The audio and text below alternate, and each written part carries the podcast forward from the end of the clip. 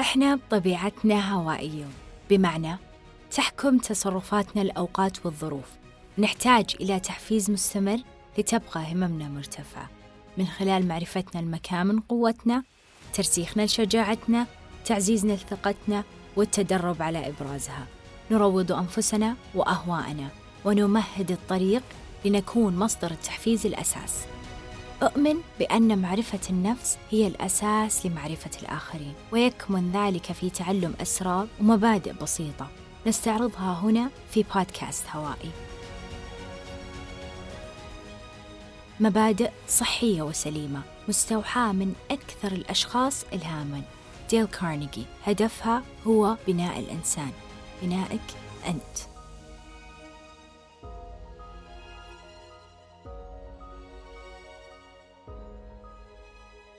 ما معنى كلمة وطن؟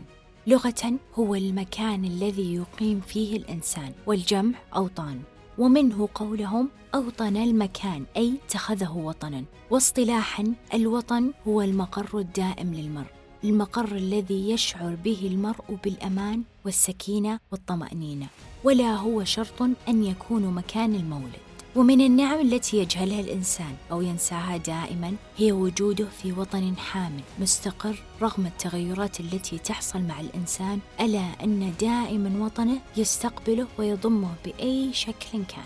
خلونا نستشعر نعمة وطننا الحبيب ونعطيه مثل ما أعطانا ولا قصر معنا بيوم من الأيام.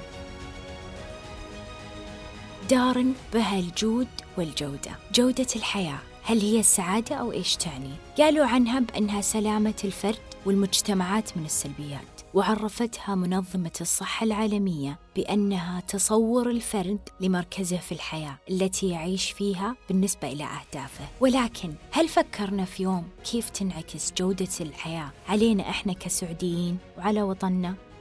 خصوصا وأنها ليست مجرد تحقيق الثروة بل أيضا في تحقيق التوازن والاستقرار الاجتماعي لكل شخص. ومن منطلق أهمية جودة الحياة يأتي هنا دور وطننا العزيز واهتمام حكومتنا الرشيدة بمبادرات وببرامج تكفل جودة الحياة للمواطنين ومن كانت لهم المملكة دارا والتي جاءت كأهم مستهدفات رؤية 2030 فبرؤية 2030 استطعنا أن نخوض في آفاق جديدة وواسعة تنعكس على قيمنا ومستقبلنا لتتحقق السعادة والرفاهية المجتمعية. اهتمت الحكومة بتوجهاتها الصحية والأمنية والتجارية والعسكرية وغيرها على تعزيز جودة حياتها في مفهومها السليم اللي ينعكس رضاه إيجابيا على كل من وجد على هذه الأرض الحبيبة. مملكتنا في ذكرى توحيدها الواحد وتسعين أثبتت أنها قادرة على تقديم جميع إمكانياتها لتجعل الإنسان أولاً بتحقيق الرفاهية المجتمعية بالثلاث الركائز الأساسية وهي الإطمئنان والثقة والرفاهية المجتمعية والبنية التحتية وها نحن نرى.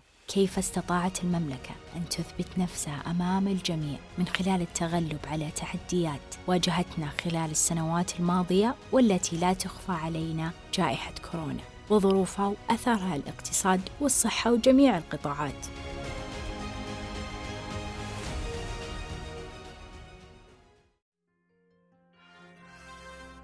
اليوم في ذكرى توحيد المملكة الواحد وتسعين نقف باعتزاز وفخر الجهود الحثيثة التي بذلتها حكومتنا في سبيل العيش الكريم وجودة الحياة. وكما قال ديل كارنيجي عندما تعطيك الحياة سببا لتيأس أعطها ألف سببا للاستمرار.